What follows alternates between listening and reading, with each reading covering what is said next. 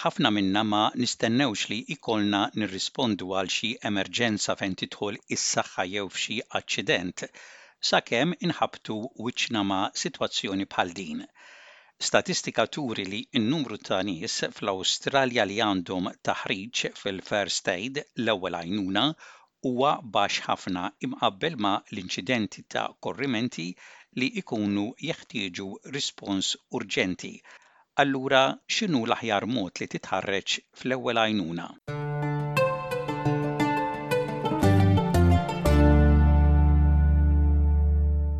Fis-sena 2017 ir-Red Cross sab li fl-Awstralja għandna wieħed min-numru l-aktar baxxi fit-taħriġ fl-ewwel għajnuna fid-dinja, minkejja li kważi nofs miljun persuna korruti jiddaħħlu l-isptar kull sena. Fost dawn hemm kważi 60,000 tifel u tifla.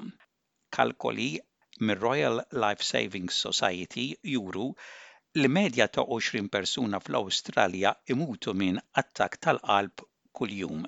Instab ukoll li 60 fil-mija tal-korrimenti li jkunu jeħtieġu kura permezz ta' l-ewwel għajnuna jseħħu fid-dar.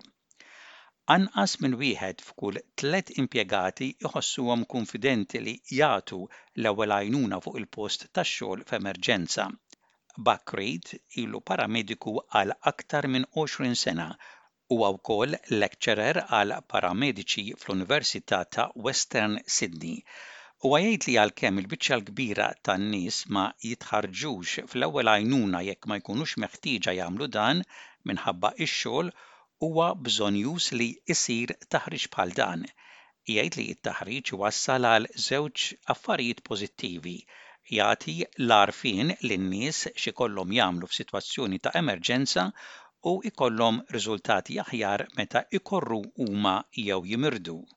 Imma taħriġ bħal dan jagħtihom aktar kunfidenza, Għalhekk, huwa mod tajjeb biex jitgħallmu x'għandhom jagħmlu f'sitwazzjonijiet bħal dawn, mhux biss għal korriment jew mard li jkun, imma anke mentalment għax ikunu preparati. So first aid training does two things, it both gives people skills, to sort of self-manage situations and improve people's outcomes when they become injured or unwell, but it also gives them confidence. So it's a good way for people to learn about how to respond in situations, not just in terms of hands-on first aid things, but kind of how to mentally prepare themselves. Korsijiet ta' l-ewwel għajnuna, first aid, jgħallmu lin-nies l-affarijiet bażiċi kif jirreaġixxu u x'għandhom jagħmlu biex jikkuraw persuna li tkun weġġgħet jew kurriet. Buck Reed jgħid li l-għan huwa li dawk affettwati minn xi kurriment ikollhom ċans aħjar ta' titjib fis-sitwazzjoni tagħhom qabel jaslu servizzi mediċi professjonali. Barra minn hekk meta wieħed iċempel 000 wara xi inċident, dawk li jirrispondu jgħidulek x'għandek tagħmel biex tgħin lill-persuna qabel tasal l-ambulanza u aktar ma jkollok idea minn qabel permezz tat-taħriġ aktar tkun tista' tifhem u tgħin f'dak li jgħidulek fuq it-telefon. Jekk xi ħadd ikun korrut jew marid kritikament, huma jkunu jridu li jingħataw l-ewwel għajnuna dritt hekk kif iseħħ il-każ, qabel jaslu l-paramediċi.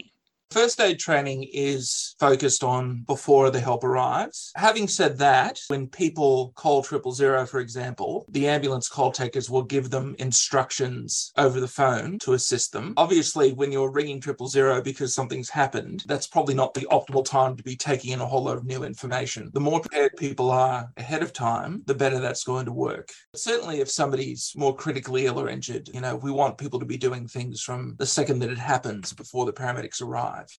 Korsijiet ta' l-ewwel għajnuna jgħallmu lin-nies kif jagħtu n-nifs f'każ ta' attakk tal-qalb jew persuna li tkun se tegħreq, dan magħruf bħala CPR, u l-korsijiet jgħallmuk ukoll kif tuża defibrillator.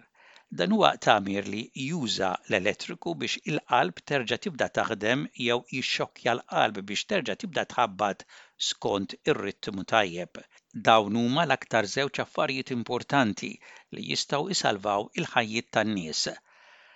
Buck ried jgħid li t-taħriġ kif tagħti n-nifs, CPR, għandu jkun skont il-proċeduri ta' l-Australian Resuscitation Council, ARC.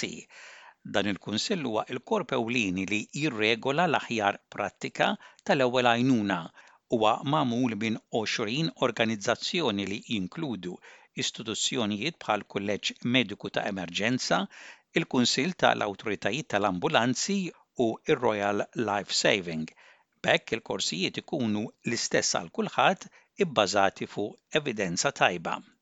The ARC guidelines represent the best available evidence for different first aid interventions and that's the role of the ARC is create standardisation so that organisations who teach first aid can easily reference that's good evidence. So people should find that horses should align with the ARC's recommendations.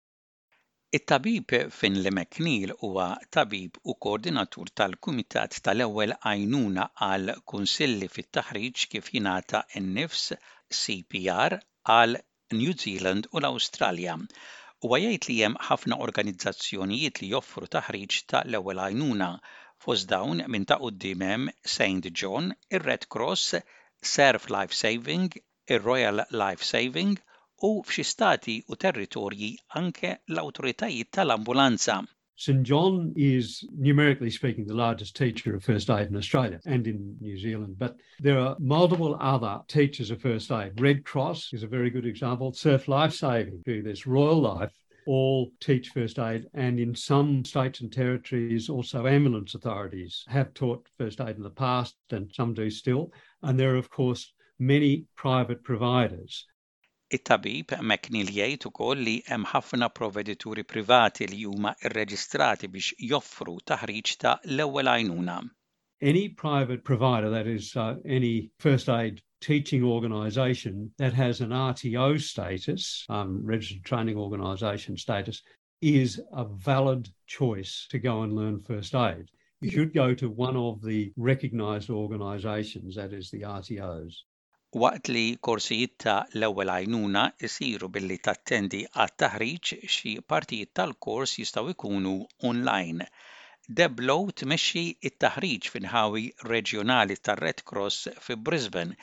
Hija tgħid li taħlita ta' taħriġ billi tattendi għal klassi u onlajn jgħin fil-ħtiġijiet ta' tagħlim differenti. I think the benefits to having a blended online component is that it allows you to do this at your time and your own pace, which is important for different kinds of learners who may need a little bit more time to reflect, to absorb the information, and also allows to go back and reread and revisit some of that information. And we also, with the online learning component, have the functionality for closed captioning. techniques so that can allow for the online component to also be translated over into uh, a multitude of different languages.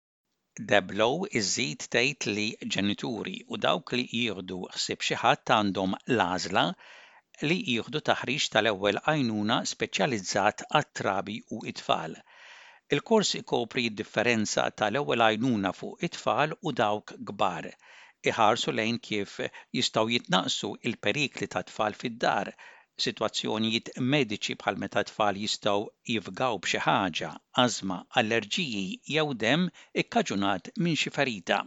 It covers the difference between, say, first aid for an adult versus child or infant, CPR. We look at safety in the home and how to minimize risks within the home, medical situations such as choking in asthma, allergies, bleeding. The whole idea behind this course is giving us those tools to feel safe and confident in the decisions that we make and to know that there are other resources or assistance if they need, such as Nurse on Call. Fl-Awstralja, il-kwalifikazzjonijiet tal-kors tal-ewwel għajnuna jridu jiġġeddu kull tliet snin u taħriġ mill-ġdid kif tagħti n-nifs, is-CPR, huwa rrakkomandat kull sena. It-tabib McNeil jispjega li t-taħriġ kif tagħti n-nifs huwa importanti ħafna. Jgħid li, sfortunatament, bħalissa, ħamsa fil-mija biss tan-nies fl-Awstralja għandhom ċertifikat kurrenti ta' l-ewwel għajnuna u kif tagħti n-nifs f'sitwazzjoni kritika lil xi ħadd jintesa biż-żmien. training is really important for CPR. It really does help to have been trained in this. And unfortunately, at the moment, probably only 5% of Australians actually have a current first aid certificate. And the ability to do CPR actually fades with time since you last used it. Il-korsijiet tal-ewwel għajnuna jvarjaw fit-tul, xi wħud jieħdu ftit sigħat, xi sagħtejn, oħrajn jieħdu jumejn. Xi wħud huma akkreditati mal-Awstralja kollha, oħrajn le. Xi wħud huma tajbin għal l-ambjent fl-uffiċċju, oħrajn għal postijiet tax-xogħol barra. Bakrid, paramediku għal aktar minn 20 sena jgħid li Dawk li jħarrġu lin-nies u l-postijiet tax-xogħol għandhom jiżguraw li l-kors li jagħżlu jkun jaqbel għall-bżonnijiet tagħhom. That means that they teach to a specific standard that's outlined for whatever that course is and there's different first aid modules that address different things, often part of workplace training packages. So if you're doing it for a workplace reason, it's important to choose the first aid course that is correct for that workplace or for that need.